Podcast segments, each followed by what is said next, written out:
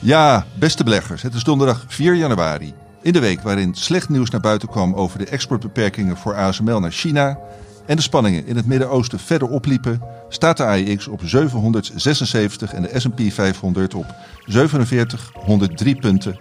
Tijd om te praten over beleggen. Dit is voorkennis. In business. Be smarter, or cheat. I don't cheat. Beleggersbelangen presenteert voor kennis. Ja, beste beleggers, leuk dat jullie weer luisteren. Ik ben Johan Brinkman, mag vandaag weer de presentator zijn. Ik zit hier met mijn collega's Michiel Pekelharing en Karel Merks. Met hen ga ik vier hoofdonderwerpen bespreken. China heeft nieuwe regels aangekondigd voor online gaming. En dat kwam volgens Michiel heel hard aan in de gamingindustrie. Uh, Karel heeft aandelen Maersk uh, gekocht en gaat uitleggen waarom beleggen in het grootste containerbedrijf ter wereld een goed idee is volgens hem.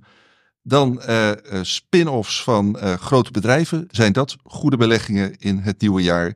En tot slot, wat gaat de hype van 2023, namelijk AI, ons brengen in 2024?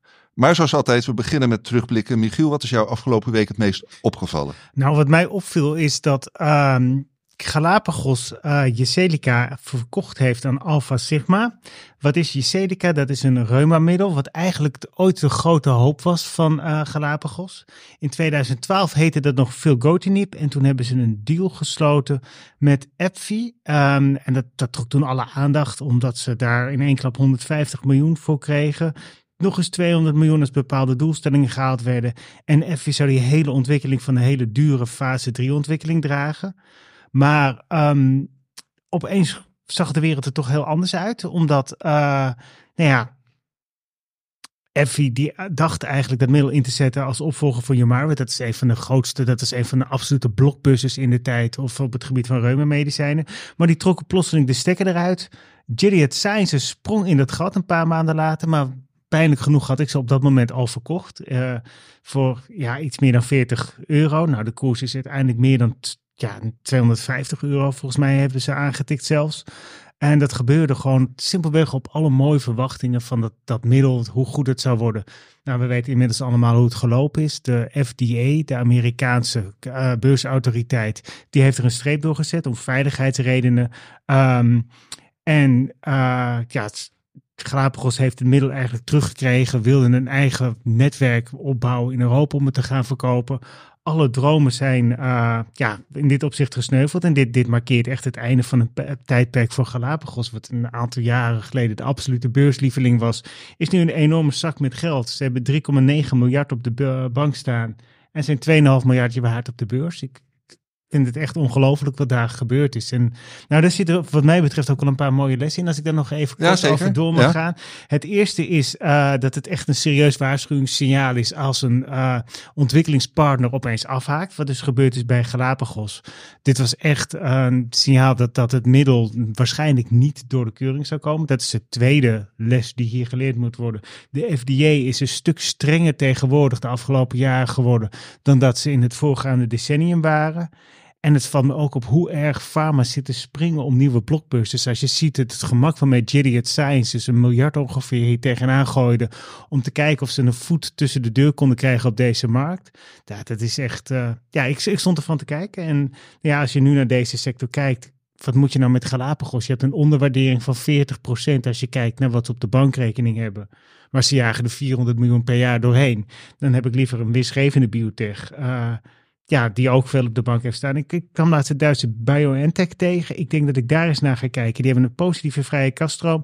17 miljard op de bank, 24 miljard wat op de beurs. Dan heb ik liever zoiets met een mooie pijplijn dan uh, Galapagos, wat eigenlijk een heel klein pijplijntje heeft nu nog maar. Oké, nou dat uh, is uh, zeker iets wat, wat opvallend is. Wil jij nog andere dingen ja, noemen, twee, twee dingen. Ik zal het zo kort mogelijk houden. Het eerste is dat, mij, uh, dat ik langs zag komen dat de CO2-uitstoot in Duitsland is teruggevallen tot het laagste niveau sinds de jaren 50. Um, het land is hard op weg om de eigen ja, doelstellingen te halen op dat vlak. Nou moet daarbij aangetekend worden dat ze wel de wind mee hebben van een slecht economisch klimaat. Omdat de industriesector heel slecht draait. 12% minder uitstoot, vooral natuurlijk. Maar dus minder uitstoot dan in coronatijd? Ja, Absoluut. Ja, nee, omdat Ze toen- zijn, heel erg omgeswitcht qua energiesector. Daar Ja. zijn de grote besparingen gehaald. Ze willen dan over een paar jaar ook alle kolencentrales eruit halen. Ja. En op die manier eh, wordt er wel degelijk vooruitgang geboekt op het vlak van, eh, van CO2. Nou, dat is dan weer positief nieuws. En een, nog een negatief bericht om mee af te sluiten is dat er veel minder geld naar private eh, ja, de venture capital vloeit. In de Verenigde Staten ongeveer 15.000 deals in 2023. Dat is het mooie van deze uitzending. Alle nieuwe cijfers over vorig jaar komen naar buiten.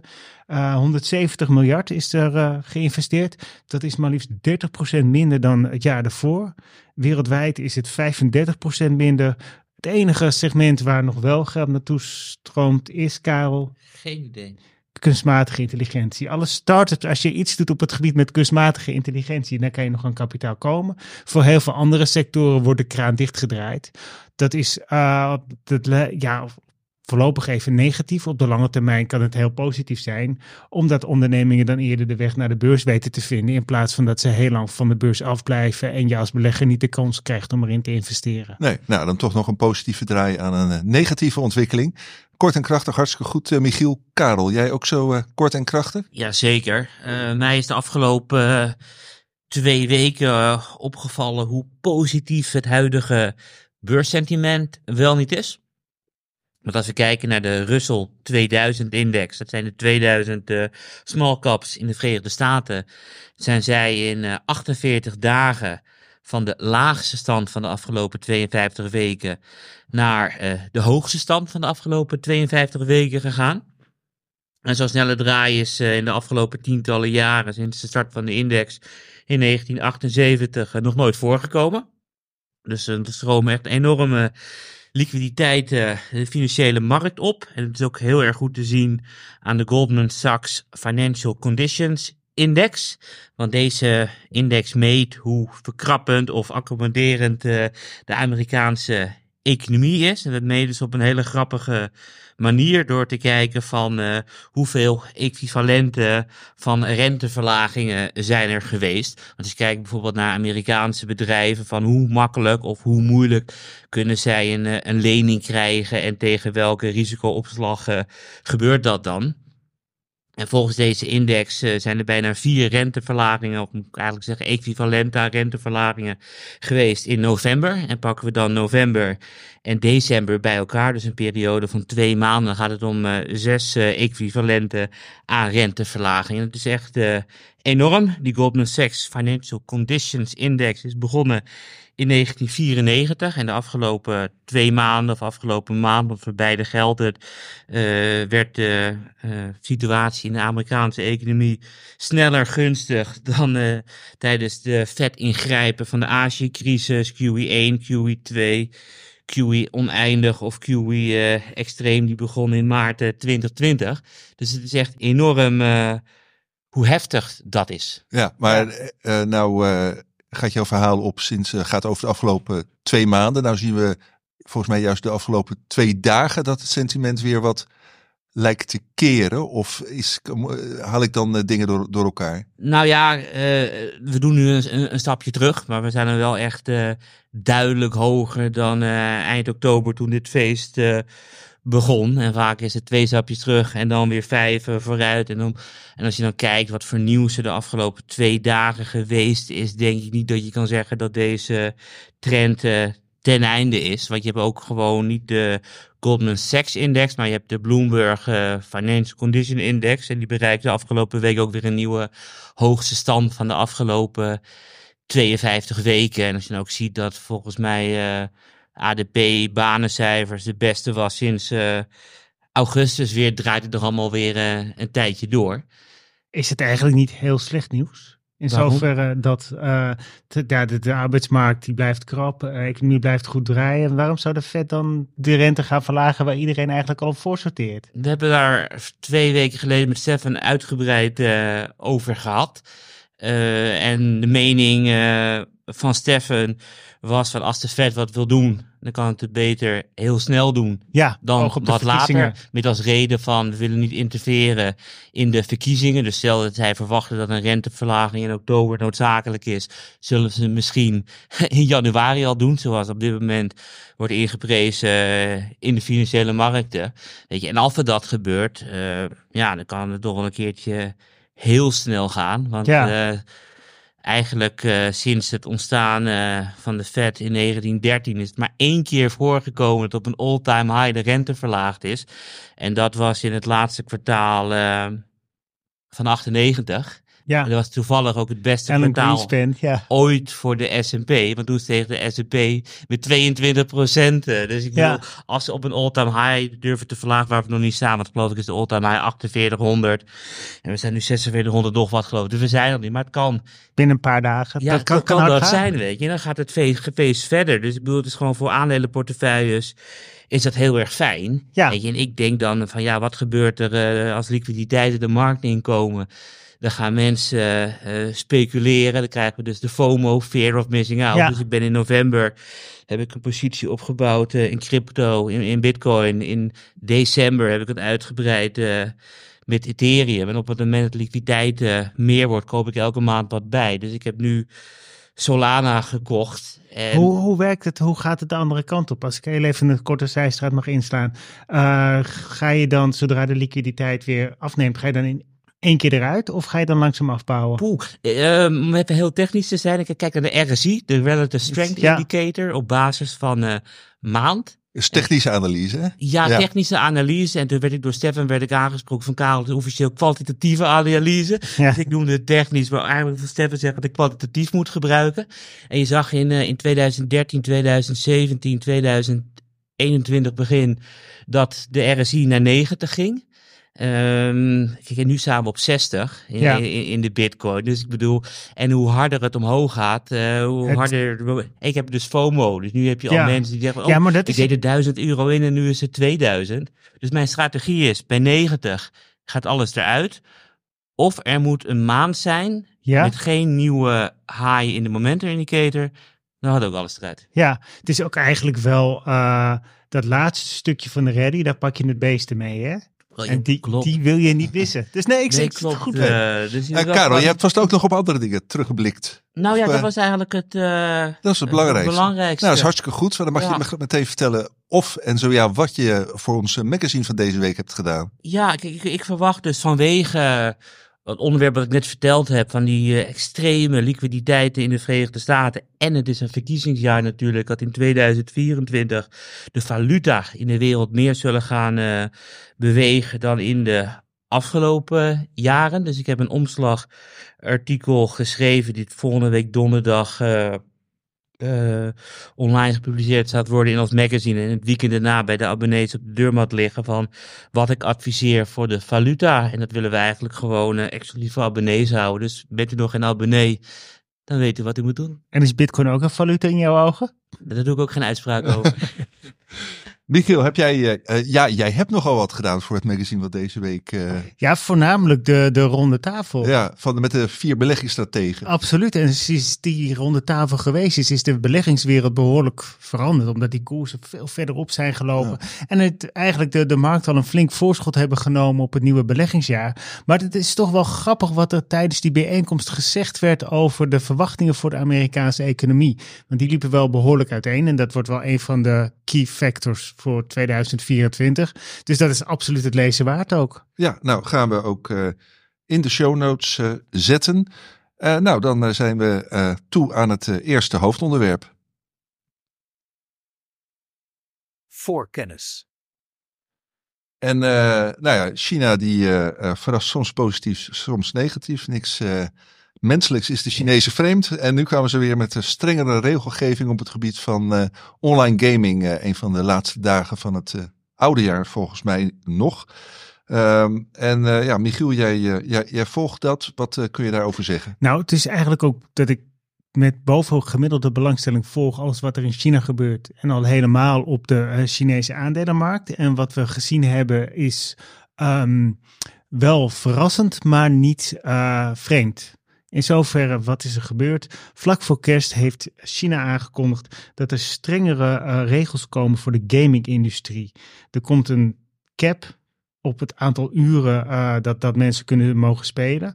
Er komt een cap op hoeveel ja, mensen uit kunnen geven online. En wat bedrijven niet meer mogen doen, is eigenlijk een bonus geven. In de zin van dat je als een poppetje dan in een wereld zit, dat je een mooie pak krijgt of andere items als je elke dag inlogt. En op die manier wordt ontmoedigd dat mensen eh, helemaal verslingerd raken aan die games. En dit is niet het eerste wat in dit opzicht is gebeurd. Want een poos terug heeft China al gezegd van oké, er komen duidelijke regels over hoe lang eh, kinderen eigenlijk online mogen zijn.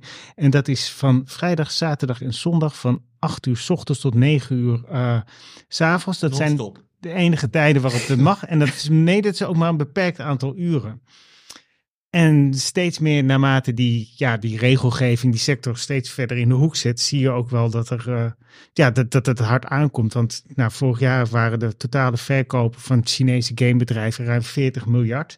En eh, na het nieuws ging eh, bijvoorbeeld Tencent Holdings, bekend van Proces, wat daar een flink belang in heeft, met 11% onderuit. NetEase ging met 17% onderuit.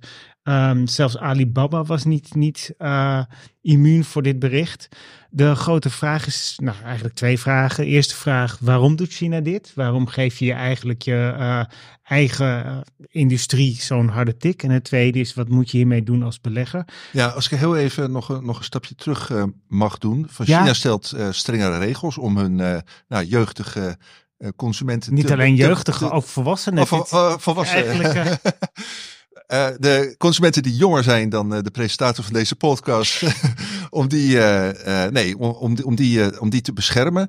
En dat raakt dan Chinese aandelen of raakt dat ook de, de, de aandelen van bedrijven buiten China die zich met de gaming-industrie bezighouden? Dat draait voornamelijk de Chinese bedrijven die zich ook specifiek op deze markten, markten richten. Ja, oké. dus eh, ik bedoel, de impact is niet zodanig dat nou, Nee, een, een, een Japanse spelletjesontwikkelaar. Ja, van het, het is gewoon een signaal voor de sector. En dat is ook ehm, sowieso, dit is wel een teken aan de wand voor de industrie. Omdat je ook wel merkt dat er steeds meer een tegenstroming op gang komt. eh, om te laten zien van, wacht even, er zijn wel degelijk negatieve neveneffecten. Ja, maar de- denk je dan, dan dat China een soort trendzettend gaan zijn? Dat ook andere overheden, bijvoorbeeld in Europa, de VS, dit soort maatregelen gaan nemen? Niet in deze mate, maar je ziet wel dat het steeds vaker, volgens mij is het in Europa ook al bev- voor, volgens mij eh, verboden om bepaalde loot of bepaalde lootboxes te kunnen kopen. Dat je mensen op die manier als het ware geld uit de zakken klopt om Oh, waarschijnlijk ben ik echt oud. Wat is een lootbox? Een lootbox is een soort van digitaal schatkistje waar allemaal mooie dingen uitkomen. En dat kunnen muntjes zijn waar je in een spel iets mee kan kopen. Dat kan een mooi pak zijn of een speciaal wapen waar je allemaal Oh, hele uit haalt. of gewoon een lootbox. Ja. Oké. En eh, eh, Michiel, jij bent sowieso eh, heel jeugdig, maar ben je ook een gamer? Eh, Nee, dat hebben we het een aantal weken terug al over gehad. Toen ik ook al bepaalde aandelen, zoals ja, meer, meer de niche-spelers binnen deze sector ja. aanhield. Het lijkt mij heerlijk om dat weer te gaan doen. Maar ik heb mijn handen vol in deze fase van mijn leven aan mijn kinderen en mijn, eh, mijn werk. Eh, ik kan me er al wel op verheugen als de kinderen wat ouder zijn, weer in te spelen. Maar dan merk ik nu al dat mijn zoon van negen zo verschrikkelijk veel sneller is met allemaal spelletjes dan dat ik ben. Dat het gewoon meer strategie spelen zullen worden dan het, spelen, ja, het snelle spel, Ja. de Fortnite van deze wereld. Daar Wat zie ik ook fascinerend vond, is dat voor het eerst sinds eh, Tetris kwam in 1983 tegen. Dat een 13-jarige jongen het helemaal 13 keer uitgest... uitgespeeld heeft. Ja. Kunstmatige intelligentie had het al uitgespeeld. En nu, Ja. wat is het, 27 en 23, 50 jaar, eh 40 jaar verder. Dat je dan eh een jongen van... De, ik, wil- ik had dat nieuwsartikel te lezen op NOS. Ik was echt benieuwd hoe lang die gespeeld had. Ja, Het is gewoon geen uurtje elke dag, denk Het ik. is wat dat betreft wel uh, ouder worden is frustrerend. Want ik verlies ook met Tetris van mijn dochter, die net een keertje. Tetris? Tetris, ja. Hoe oud Die- is je dochter? Die is 12 geworden. Oké. En die zit dan achter dat scherm. Maar ze zit ook wel langer achter het scherm dan ik. Wat niet een heel valide excuus is. Maar ik, ik heb ooit een keertje een vliegles gewonnen. Omdat ik heel handig was met, met games. Toen ik een keertje op zo'n beurs was. Maar dat, dat is er helemaal vanaf. En ik, heb- ik heb me erbij neergelegd dat ik het nu van de strategie spelen moet hebben. Maar we dwalen nu wel heel erg ver af. ja, maar wel eh, super Eh. interessant. Maar inderdaad, terug naar China, de strenge maatregelen en de effecten op de Chinese game-industrie. waarom doen ze dit? Het is onderdeel van een breder programma van de Chinese overheid om de bevolking zo goed mogelijk te beschermen tegen, tegen dit soort ja, neveneffecten, nadelige invloeden.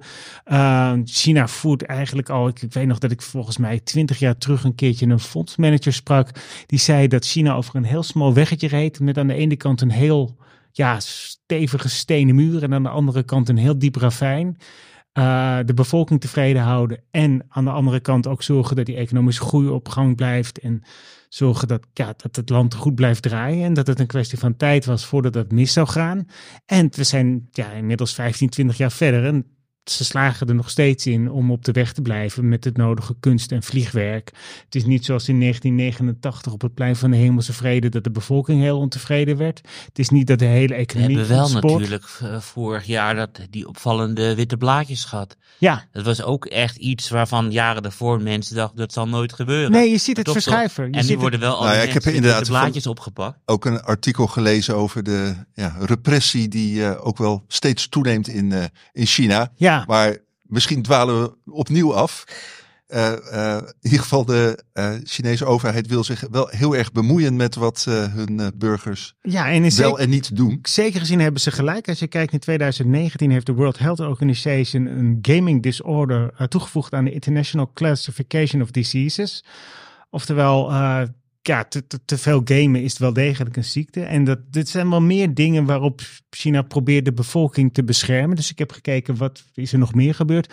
Een aantal jaar terug, ik weet niet of jullie dat nog weten. Toen hebben ze besloten eh, eigenlijk een verbod in te voeren op eh, speciale onderwijsinstituties die dan kinderen bijles gaven. Omdat, nou ja, je hebt eigenlijk, China heeft heel lang een één-kind politiek gehad. En wat je dan als ouder wil natuurlijk, is dat dat ene kind wel zo goed mogelijk terechtkomt.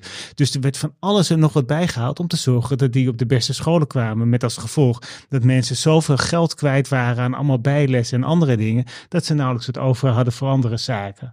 En toen heeft China van de een op de andere dag gezegd van oké, dat, is, eh, dat is mooi geweest. Dat willen we niet meer op deze manier doen. Ehm, en die hebben ook gewoon eigenlijk een soort van eh, verbod ingevoerd in juli 2021. Toch, toch niet echt een verbod. Ze hebben toch alleen gezegd van eh, deze bedrijven mogen geen winst meer maken. Dus het mag wel, maar ze mogen dan niet met een winstoogmerk doen. Dus het moet volledig non-profit zijn. Klopt, met als ik- gevolg en ik dat vind die... het fantastische beurskoersen. Waar gewoon van die lijnen die zo naar nul gaan. Ja, maar dat, daarna zijn die bedrijven eh, zijn weer helemaal opgeklauterd. En dat Oh. zijn de nieuwe Orientals van deze wereld. Die staan gewoon vier keer zo hoog als naar die initiële klap.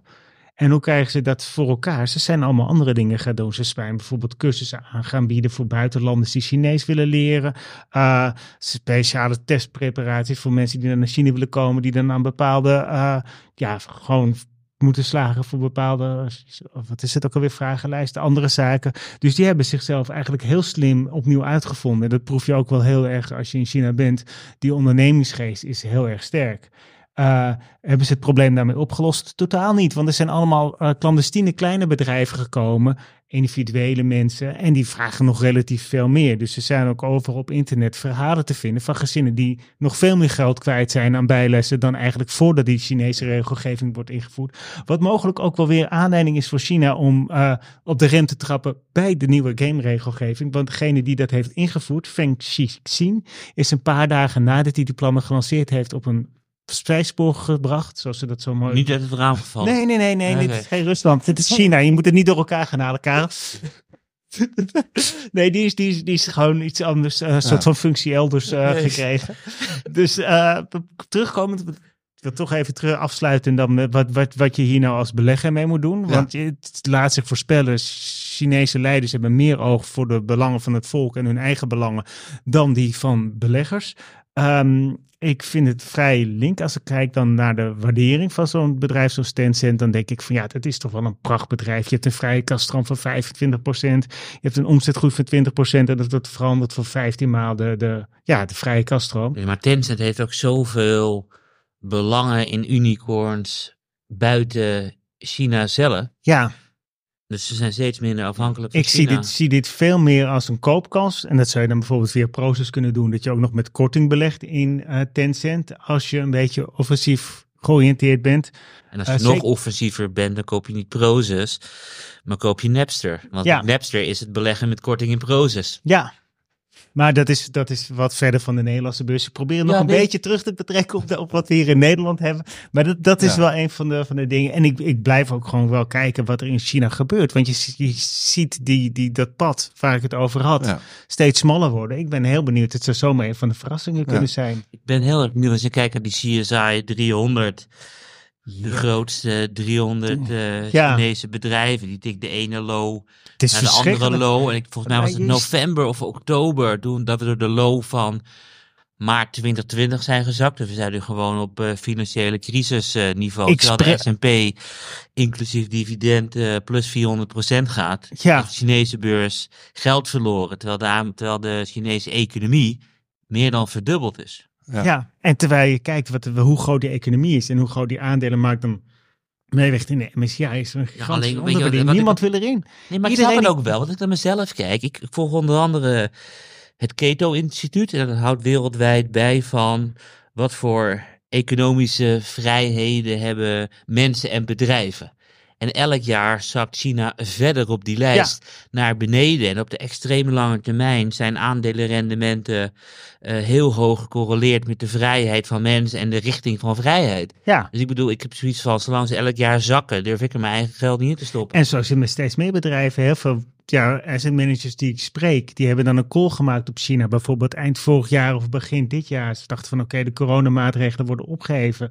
Nu komt er een eh, soort van inhaaleffect zoals wij dat hier ook hebben gezien in 2021. Dat is het totaal niet. Ja, maar wij, wij hebben, de Amerikanen hebben eh, een paar duizend euro pp natuurlijk eh, cash gehad om te doen met wat Ja. je wil. Wij, wij Nederlanders hebben gewoon alle bedrijven ondersteund, eh, zodat iedereen kon blijven werken. Dus wij hebben duizenden, miljarden, biljoenen moet ik eigenlijk zeggen, in de economie gepompt. China heeft dat niet gedaan. Ja, ik snap, ik dit- snap ook wel dat en- je en hoge inflatie krijgt als je biljoenen in de economie pompt. Maar China wil dat niet. En het vertrouwen is er niet. Je hebt die problemen in de vastgoedsector die nog niet opgelost zijn met Evergrande. Ehm, da- daar moet nog heel wat lucht uitgewerkt worden. Mensen vertrouwen het niet. Die hebben niet het vertrouwen in een woningmarkt zoals we dat hier hebben. Die kijken de kat uit de boom. Dus jij zegt eigenlijk, eh, je adviseert net als ik om er niks in te doen. Ik zou zeggen, doe er wel iets in. Ja. Ehm, nou, zorg gewoon dat het, dat het een paar procent van je portefeuille is. Want eh, als je kijkt naar de potentie. Ik bedoel, ik geloof niet dat je dit kan timen. Dat je opeens denkt van oké, nu gaat het. En het is een prima diversificatie, wat we in het verleden ook al gezien hebben. Zullen we hiermee afsluiten, dit onderwerp? Met Voor deze- nu, voor nu prima. Ik kom voor hier nu graag over een ja, paar ja, weken. Ja, zeker. Ja. Voor kennis.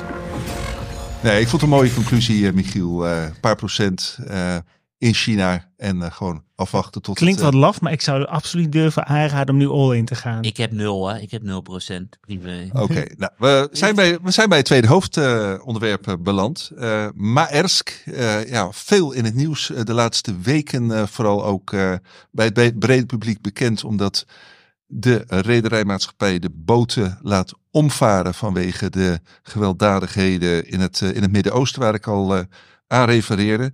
Karel vond eh, dat of een andere reden in ieder geval goed genoeg om eh, de aandelen te gaan kopen. Maar vertel daar zelf eh, maar meer over, Karel. Dat is de hoofdreden. Want op het moment dat je gaat omvaren, duurt niet alleen de reis langer. En als de reis langer duurt, eh, gaat de prijs omhoog. Je komt ook eh, tien dagen later aan in, eh, in Rotterdam. En als je dan weer terugvaart naar China, waar het meeste vracht naar Europa moet, dan ben je dus twintig dagen extra bezig. Nou ja, twintig dagen extra bezig betekent eh, dat er eh, niet één lading staat te wachten, maar twee ladingen. Dat, kan niet op een schip. Dus dan zegt Maersk van ja, wie biedt het meest? En die mag mee.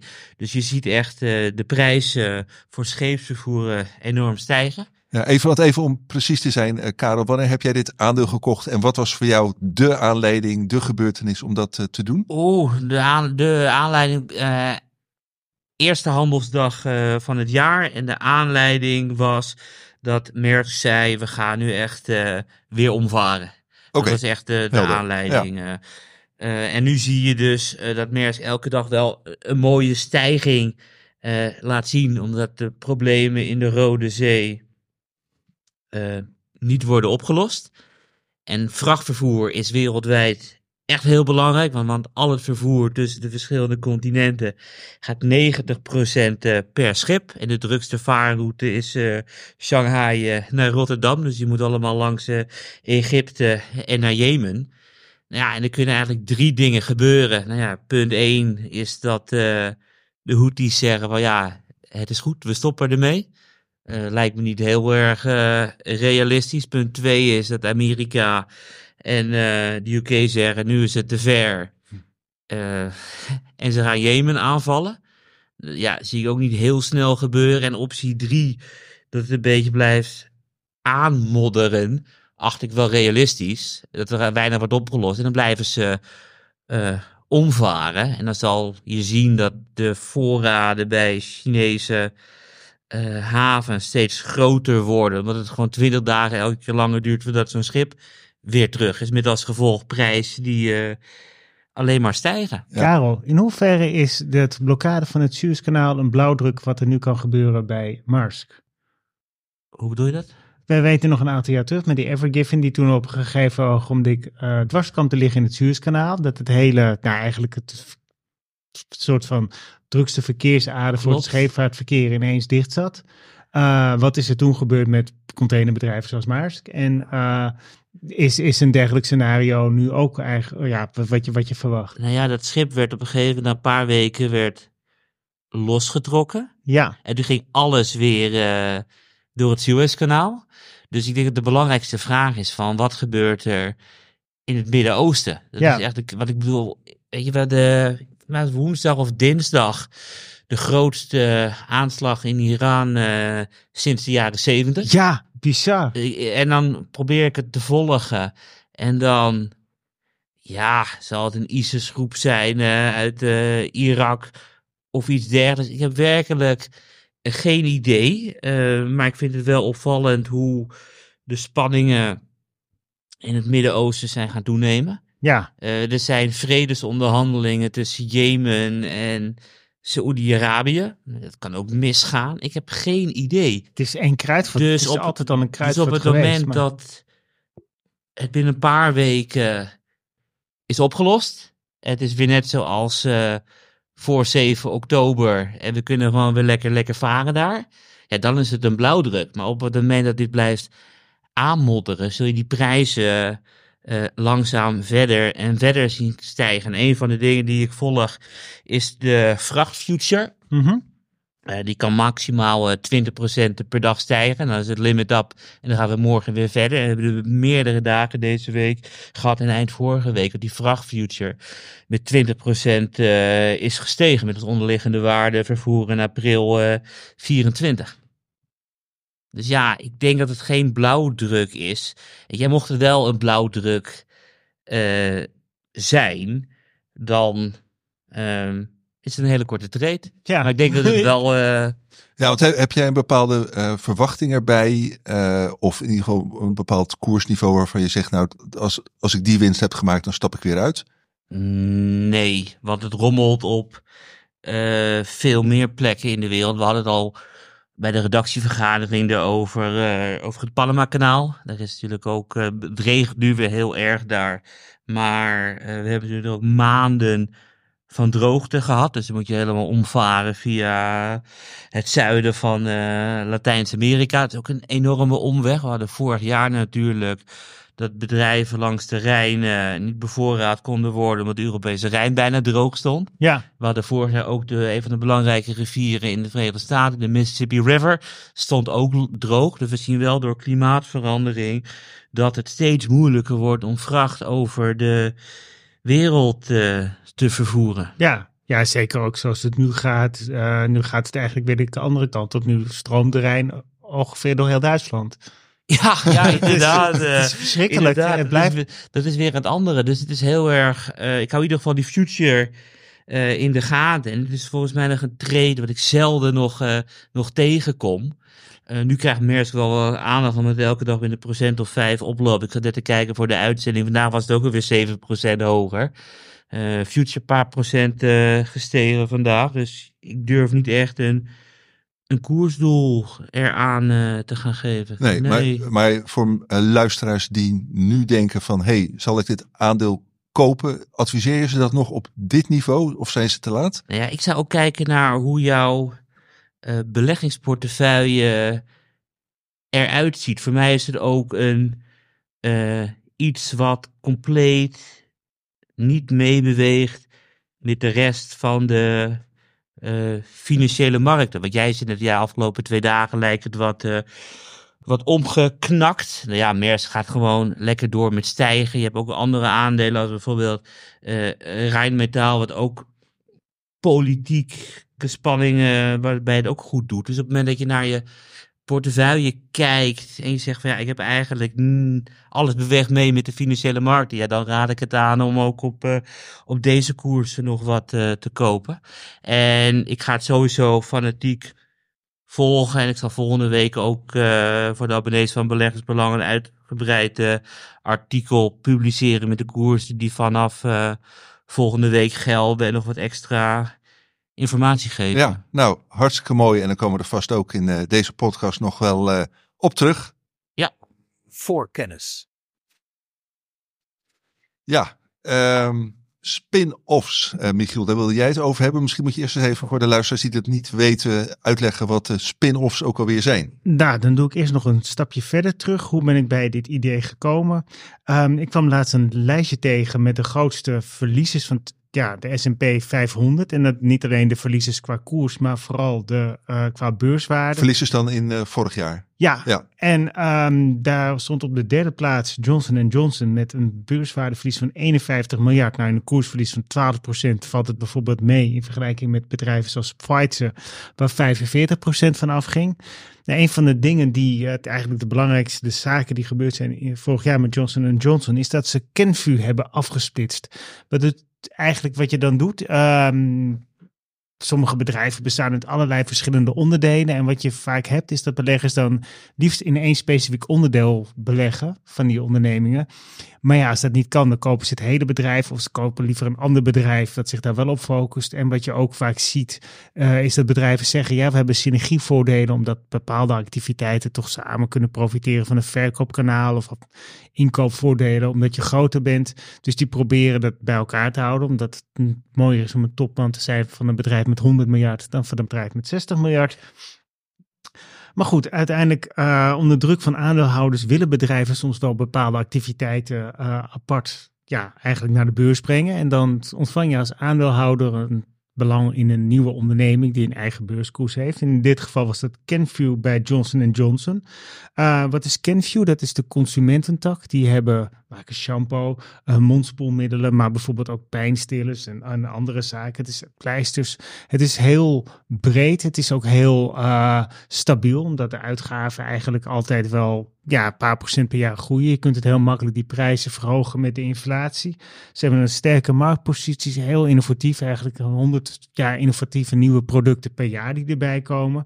En uh, je kunt eigenlijk wel zeggen van ja, als je dan kijkt naar Johnson Johnson, dat is dan medische technologie en vooral een heel grote farmatak wat er overblijft. Toch wat volatieler, dus je kunt je afvragen of Kenvue misschien een beter alternatief is voor Johnson Johnson. Die vraag ga ik komende week in het blad beantwoorden. Nu ben ik vooral gaan kijken naar spin-offs, omdat Kenvue het nog slechter gedaan heeft dan Johnson Johnson. Op het moment dat namelijk uh, Kenvue afgesplitst werd, sindsdien is de koers met 20% gedaald. Ja, wanneer was dat precies? Uh... Dat is op 4 mei gebeurd. 4 mei vorig jaar. Ja. ja, Johnson Johnson is sindsdien ja, volgens mij 0,7% gedaald, grofweg gelijk gebleven en S&P 15% gestegen. Terwijl ik altijd had geleerd, uh, thans stond mij bij dat spin-offs relatief goed presteren.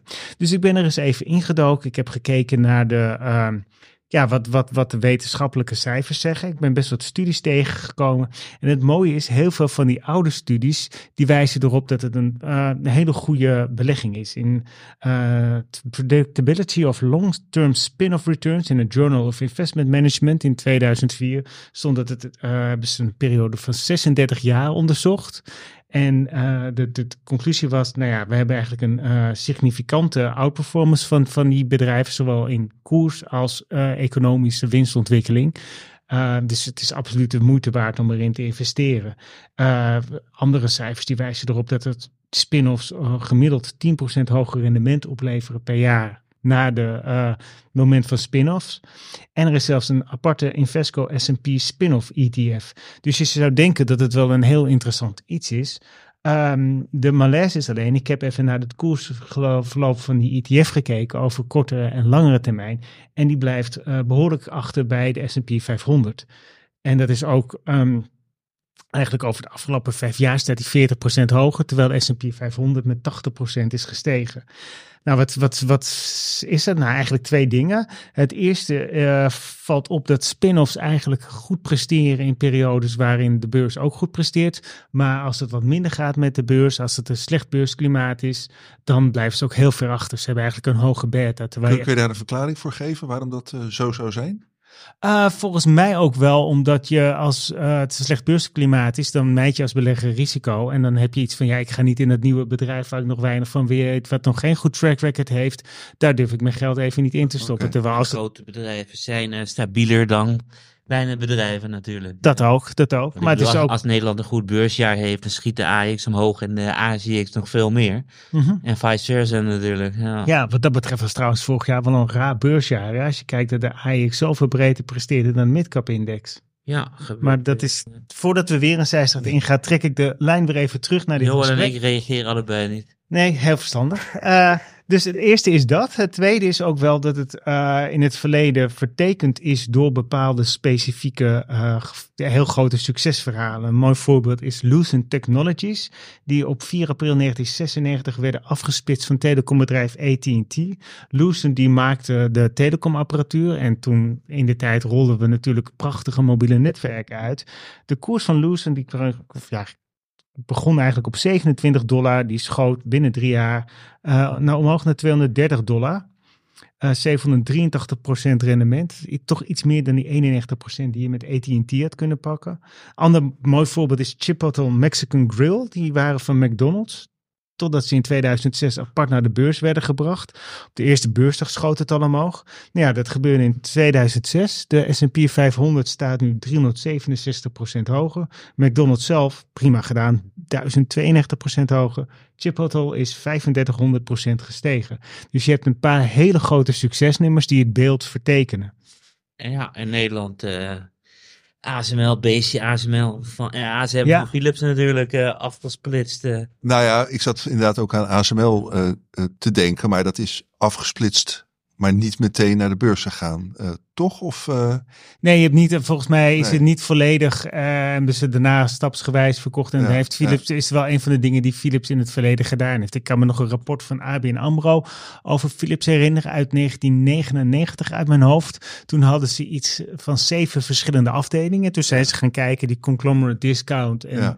Wat je eruit had kunnen halen.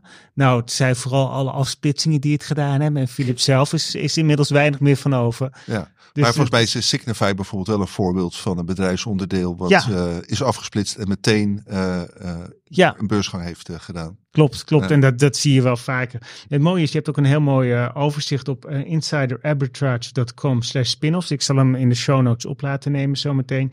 En dan zie je welke bedrijven een spin-off hebben aangekondigd. En eh, wat, ja, wanneer dat waarschijnlijk plaats gaat vinden. Wat opvalt is dat het heel veel bedrijven zijn in de, ehm, ja, de consumenten, de medische activiteiten. Een van de spin-offs waar ik persoonlijk nog altijd heel erg op zit te wachten. En wat mij betreft hoeft het geen spin-off te zijn, maar kan je beter gewoon een hakmes pakken en Bayer in stukken hakken, omdat je een gewasdivisie hebt, gewasbescherming. Je hebt een farmaciepoot en je hebt een consumententak. Nou, het is de afgelopen jaren al best wel gebruikelijk om bij die farmaceuten om je consumententak, wat eigenlijk, net zoals bij Kenview, gewoon heel stabiele resultaten oplevert, los te maken van je farmaciedivisie, waar je heel veel moet investeren in nieuwe blockbusters, waarvan je maar moet afwachten wat het oplevert. Ehm, dus wat dat betreft zou ik ze vooral willen aanraden. eh, kijk, laat je niet misleiden door mooie onderzoekscijfers uit het verleden en mooie verhalen over spin-offs. Kijk gewoon per transactie wat het waard is, of, of het zinvol is om erin te beleggen.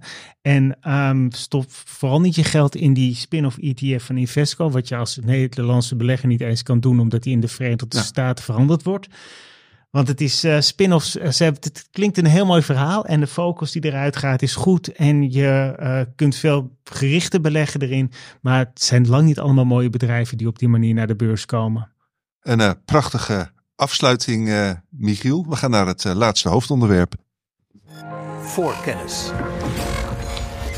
Ja, dat is er weer eentje die eh, eh, Karel heeft verzonnen. Maar eh, nou ja, eh, de hele wereld is er eh, nu mee bezig, maar was er zeker ook eh, vorig jaar mee bezig. AI, kunstmatige intelligentie, de hype, ook in de beleggingswereld vorig jaar. Wat kunnen we daar in het, nieuwe jaar van verwachten? Karel heeft daarover een duidelijke mening. Ja, zeker. En nu nog een veel duidelijker mening, omdat Michiel zei van dat in private equity de AI-bedrijven wel kunnen geld kunnen ophalen en andere niet. Dus het zal sowieso niemand zijn ontgaan dat eh, kunstmatige intelligentie definitief is doorgebroken. Even wat cijferbrei van eh, Goldman Sachs. Ze denken dat de helft van de administratieve banen, bijna de helft van de juridische banen en 40% van de technische banen uiteindelijk eh, zal verdwijnen. Bill Gates, uiteraard eh, bekend, die heeft een getal van eh, 300 eh, miljoen banen genoemd. Die gaan verdwijnen. In de VS neem ik aan. Er zijn Wereldwijd, 300, 300 miljoen inwoners oh in ja, de VS. ja, nee, ik, eh Wereldwijd, 300 eh, miljoen eh, wereldwijd. Ja. eh, eh, En de reden is van ja, we hebben allemaal een persoonlijke assistent in de vorm van AI. En nou, dan gaat de productiviteit door het dak heen. Ik denk, nou, dat is hartstikke mooi. Want elk kwartaal worden de productiviteitscijfers in de Verenigde Staten gemeten. Dat is een heel eenvoudig rekensommetje. Je hebt de totale omzet van het Amerikaanse bedrijfsleven. Die corrigeer je voor inflatie en die deel je door eh, het aantal werknemers. En dan kan je dus zien hoe eh, productief een, eh, een werknemer is. En zie je dat cijfer sinds vorig jaar al, al toenemen? Ja en nee.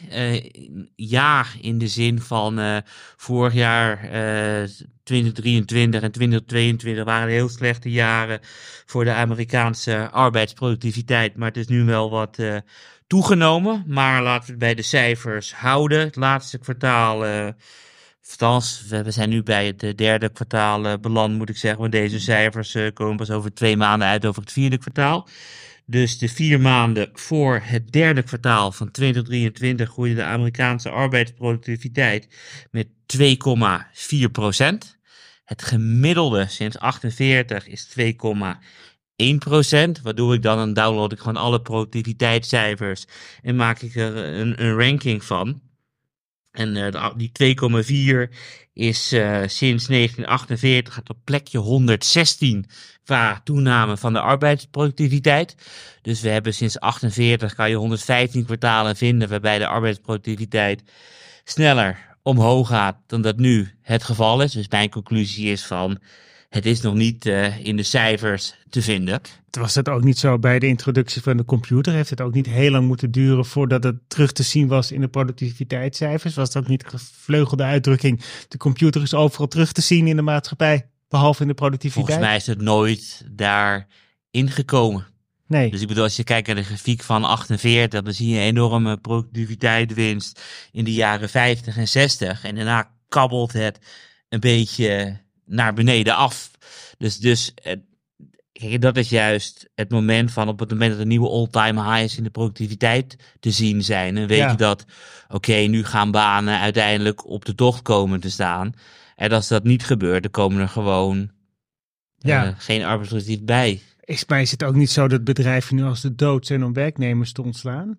Simpelweg omdat de arbeidsmarkt zo krap is en Nog je steeds. weet niet dat je het, als je straks mensen nodig hebt, of je ze kunt vinden. Bovendien heel veel eh, ja, bedrijven hebben toch wel een verouderd werknemersbestand. Klopt Je ook. moet, moet goed kijken of je dan niet op tijd nieuwe mensen aan kunt trekken of dat je straks zonder personeel zit. Klopt. Dus AI kan er aankomen, maar het is er niet. Kijk, Hetzelfde Nee. met, Nou, nou ja, Nou, in sommige opzichten, dat is wel grappig. Bij de, tijdens de ronde tafel van beleggersbelangen kwam ook, was dit echt wel een van de punten waar best wel discussie over ontstond. Omdat de een zei van ik gebruik het wel degelijk. Vroeger had ik iets van ik laat mijn e-mails niet beantwoorden door zo'n automatische beantwoorder. Maar inmiddels doe ik dat wel. Sterker nog, ik heb sommige afscheidsspeeches al door AI laten schrijven. Terwijl anderen iets hebben van ik zie dat in de praktijk nog niet terugkomen. En als bedrijf... maar dat is reuze handig, weet je. Want ik gebruik ook WhatsApp, ik gebruik een smartphone, ik gebruik een eh, computer. Ehm, en, en de vraag is natuurlijk, ik word er eh, productiever door, ja, maar stijgt ook de arbeidsproductiviteit? Want ik bedoel, vroeger beleggersbelangen bestaat natuurlijk sinds 56. Vroeger had je geen WhatsApp. Eh, maar ja, we kwamen toch uit op een of andere manier. eh.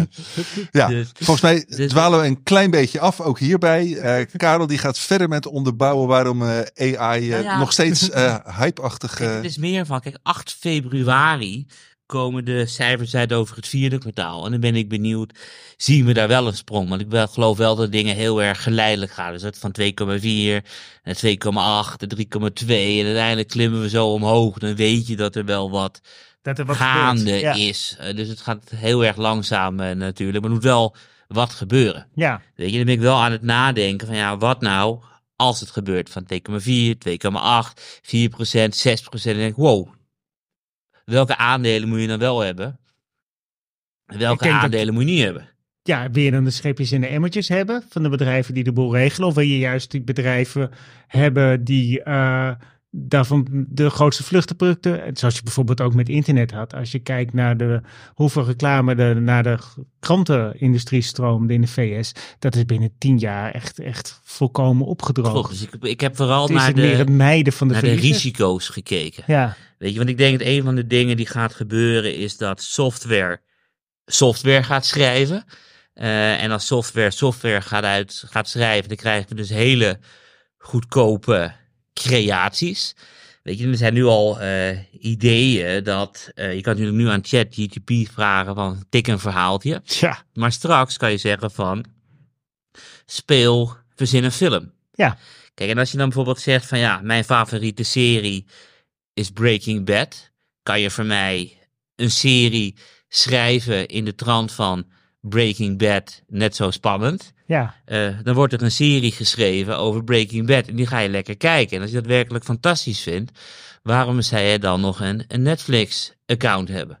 Dat je gewoon personalized entertainment Ja, maar als jij dan die Ja. serie hebt en die publiceer jij online om gratis te kunnen kijken, eh, op een gegeven moment komt zoiets natuurlijk in de bestsellerlist. Dat je maar genoeg creëert, komen er fantastische producties uit. Dus ik denk van ja, als die productiviteit echt compleet door het dak gaat, moet ik dan het advies van Netflix naar beneden bijstellen. Omdat Dat kun je bij heel veel bedrijven afvragen. Nou ja, Moet dat- je dan dat- niet de, de, eh, de, de scheepjes en emmertjes, de AMD's, de Nvidia's, de Alphabets. Klopt, alleen dat zijn natuurlijk de, de koopdingen. Kijk, ik kijk altijd eerst van de risico's voor Ja, de huidige portefeuille. Dus ik denk van ja, wat gaan we nog altijd doen?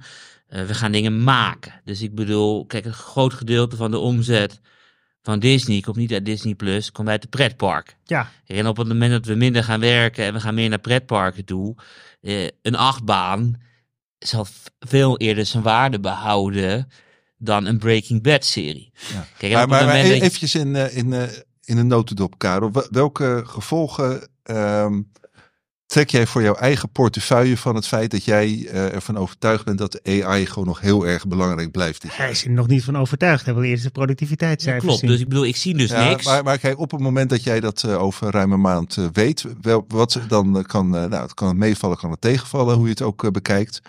Wat, wat, wat kunnen dan in beide scenario's de gevolgen zijn voor jouw eigen beleggingsbeleid? Oh, op het moment dat het eh, nog tegenvalt, dat er niks te zien is, verander ik niks. Maar als het echt heel erg snel aan het toenemen is, dan ga ik dus gewoon vooral bedrijven kijken die te kopiëren zijn. Dus ik zelf ben eh, aandeelhouder van Duolingo. Op het moment dat software software gaat schrijven en die weet taalspelletjes te genereren die nog beter, nog leuker, nog verslavender zijn dan Duolingo, maar volledig gratis, dan gaan die Duolingo aandelen er misschien wel helemaal uit. Weet je, en ik bedoel, ik heb geen aandelen Netflix. Ik volg wel aandelen Netflix. Op het moment dat we een ChatGPT krijgen die films kan genereren, dan gaat het advies van Netflix ook naar beneden. Ja, dus wordt 8 februari wordt al een dag in om ons eh, ja, alleen, alleen wat ik wel wil wijzen, het gaat wel geleidelijk. Ver- vermoed jij, tenminste dat, dat is Weet je, en idee, kunnen natuurlijk ja. ook nog wat Michiel zegt, dat het gewoon een, ja, hoe zeg je dat? Ehm, niet voor, echt, hoe zeg, ja, niet voor werkloosheid gaat zorgen. Dat het gewoon, net als de computer, het is dat het eigenlijk helpt om die hele bevolking, die, die, die, die, demog- ja, die bevolkingspyramide die geen piramide meer is, dat je eigenlijk helpt om over die hobbel te komen van een gigantisch aantal mensen wat binnenkort stopt met werken. Ja, misschien Dat misschien gewoon is werk dat een heel andere nieuwe, nieuwe rol nieuwe dimensie. En dat je dus niet eh, honderden miljoenen werklozen krijgt. En dat het gewoon een hulpmiddel is. En niet de een computer heeft ook niet voor gigantische werkloosheid gezorgd. Nee, Maar dit is twee kanten en je weet niet welke kant het op gaat. Ook met die Nee, stoommachine. en iedereen de- heeft er natuurlijk over van grote ontwikkelingen. Het is natuurlijk heel erg Ja, interessant om te zeggen van eh, we worden straks met z'n allen werkloos binnen vijf jaar, et cetera. Maar ja, ik lees ook al die verhalen. Dus Ja. ja. ik kijk wel elke keer naar de productiviteitscijfers en dan zie ik dus niets gebeuren. ja. Gewoon echt helemaal niets. Weet je. Dan open je dus X of, of Twitter en dan staat er van, eh, ja, doe dit en je gaat je arbeidsproductiviteit ver 25-voudigen met deze 10 stappen, et cetera. Maar dat is het dus helemaal niet. Nee. Johan, zijn jullie al bezig met kunstmatige intelligentie bij beleggersbelangen? Zijn er jullie al verhalen die geschreven worden of andere Ja, zaken? nou, eh, we- gebruiken het sowieso als, eh, eh, als hulpmiddel voor het vergaren van, eh, van informatie. En verder kan ik er twee dingen over zeggen. Eén is dat we wel eh, bezig zijn met het ontwikkelen van een eh, speciale tool voor beleggersbelangen om eh, bedrijfsprofielen te maken en, en vooral up-to-date te houden. Nou ja, een simpel voorbeeld van, we hebben een, een pagina op onze website die gaat helemaal over ASML, over geschiedenis van het bedrijf, maar ook ja, dingen die voor de belegger interessant zijn, zoals dividendbeleid. Eh, nou ja, dat, dat, dat, zo'n profiel is door mensenhanden gemaakt. Dat ligt voor enige tijd vast. Maar moet natuurlijk wel eigenlijk zeker ieder jaar een keer upgedate, geüpdate wor- worden. Kijk, dat soort dingen zou je heel makkelijk, niet alleen voor ASML, maar voor bij wijze van spreken honderd of duizend andere bedrijven, ook eh, door eh, AI kunnen laten doen. Dus daar zijn we wel een tool voor aan het ontwikkelen. Waarbij we uiteraard wel altijd als eh, alles door deskundigen laten checken of de tool niet iets verkeerd begrepen heeft. En ja, en wat we hebben aardig wat onderzoek gedaan. Wat, wat er telkens ook wel uitkomt, is dat het geven van beleggingsadvies. dat, ja, dat hij dat eigenlijk op dit moment niet doet. Zijn wij natuurlijk blij mee, want daar zijn wij zelf voor. Maar op het moment dat je vraagt van, eh, nou, vertel van alles over ASML, dit, dit en dit, dan gaat hij dat vertellen. Maar als je aan hem vraagt van, eh, ja, moeten we er dan ook in beleggen? Dan zegt hij toch van, eh, nou ja, allerlei mitsen en maren. En ja, u moet een adviseur raadplegen. Nou ja, goed, dat zijn wij dan, denk Ja. ik. Dus, maar goed, binnen dit bedrijf en ook bij beleggsbelangen zijn we er zeker wel mee bezig. Ja, en ik zie het eerlijk gezegd ook wel eh, ehm, ja, als iets wat ons werk makkelijker maakt. En eh, ook eh, om eh, ja, eigenlijk meer te doen met dezelfde middelen dan dat ik nou denk van, nou ja, over, over drie jaar zit ik niet, hier niet met, eh, met één beleggingsdeskundige aan tafel. Of niet met twee, maar met één of zo. Dat zie ik Ja. gewoon niet zo snel gebeuren. Ik zie gewoon meer tijd ontstaan om echt eh, ja, belangrijke eh, dingen eh, te laten doen door menselijke specialisten. ja, het Wat ik wel grappig vind, is dat het gevolg is dat bepaalde branches een enorme boost krijgen. Dus op een gegeven moment hadden we dat Kasparov, die schaker, verslagen werd eh, door die door, Blue. door Deep Blue van IBM. En mensen denken, het is klaar met schaken. Maar schaken is sindsdien nog nooit zo populair geweest. Omdat je die AI geeft dan feedback op jouw schaakstuk of op je schaak, eh, schaakspel. Wat ik ook wel grappig vind.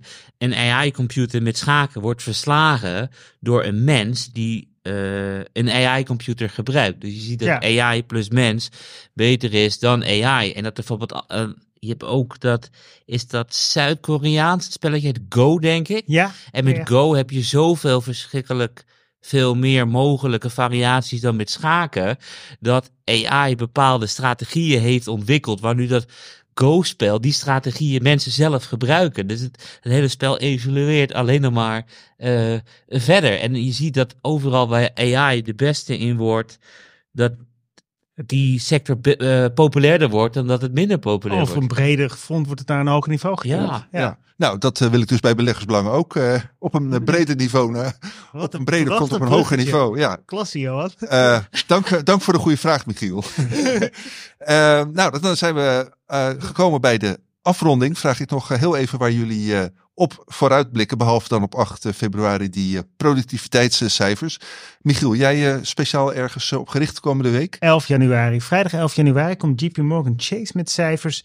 Ehm, En om heel veel redenen ben ik daar heel erg in geïnteresseerd. In de eerste plaats is het een van de. Ja, het, het, bank heeft een prima jaar achter de rug. Je zou het niet zeggen na alle problemen die opeens opleiden in de Amerikaanse banksector.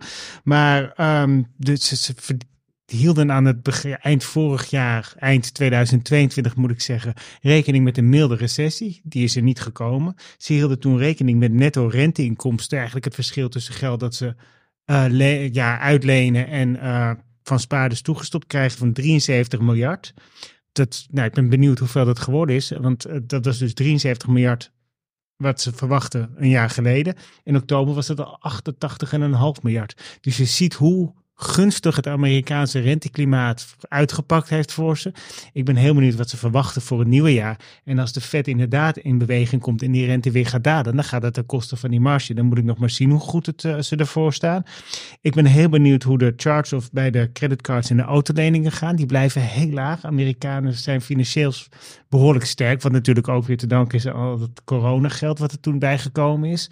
En uh, dat zit nog meer onder het matras dan eigenlijk aanvankelijk werd gedacht. Maar vroeg of laat is dat geld op. En dan zie je ook weer dat soort leningen, uh, dat de, de wanbetalingen toenemen. Dus daar ben ik heel benieuwd naar. Het is eigenlijk een soort van barometer voor de uh, Amerikaanse economie en voor de banksector in het algemeen. En als die verwachtingen voor die rent, netto renteinkomsten en die uh, charge-offs, als dat net even wat hoger is, dan, dan denk ik dat mijn koopadvies even heel goed tegen het licht gehouden. Ja, Oké, en uh, we hebben al afgesproken, Michiel, dat jij uh, over die, uh, die cijfers van 11 januari ja. in beleggersbelangen gaat schrijven. Waar anders?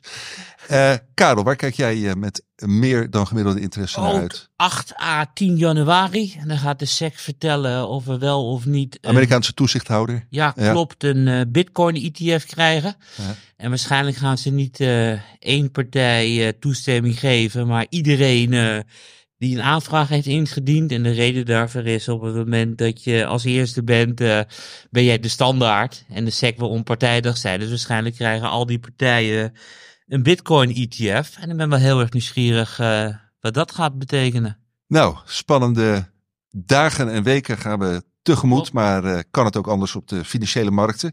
Volgende week ga ik er verder over praten met uh, Stefan Hendricks en uh, Martijn van Herpen, die hier dan uh, aan tafel zitten. En voor dit moment, Michiel, Karel, hartstikke bedankt voor weer een gezellig, ruim uur gezellig en, en heel erg interessant ruim uur beleggersinformatie.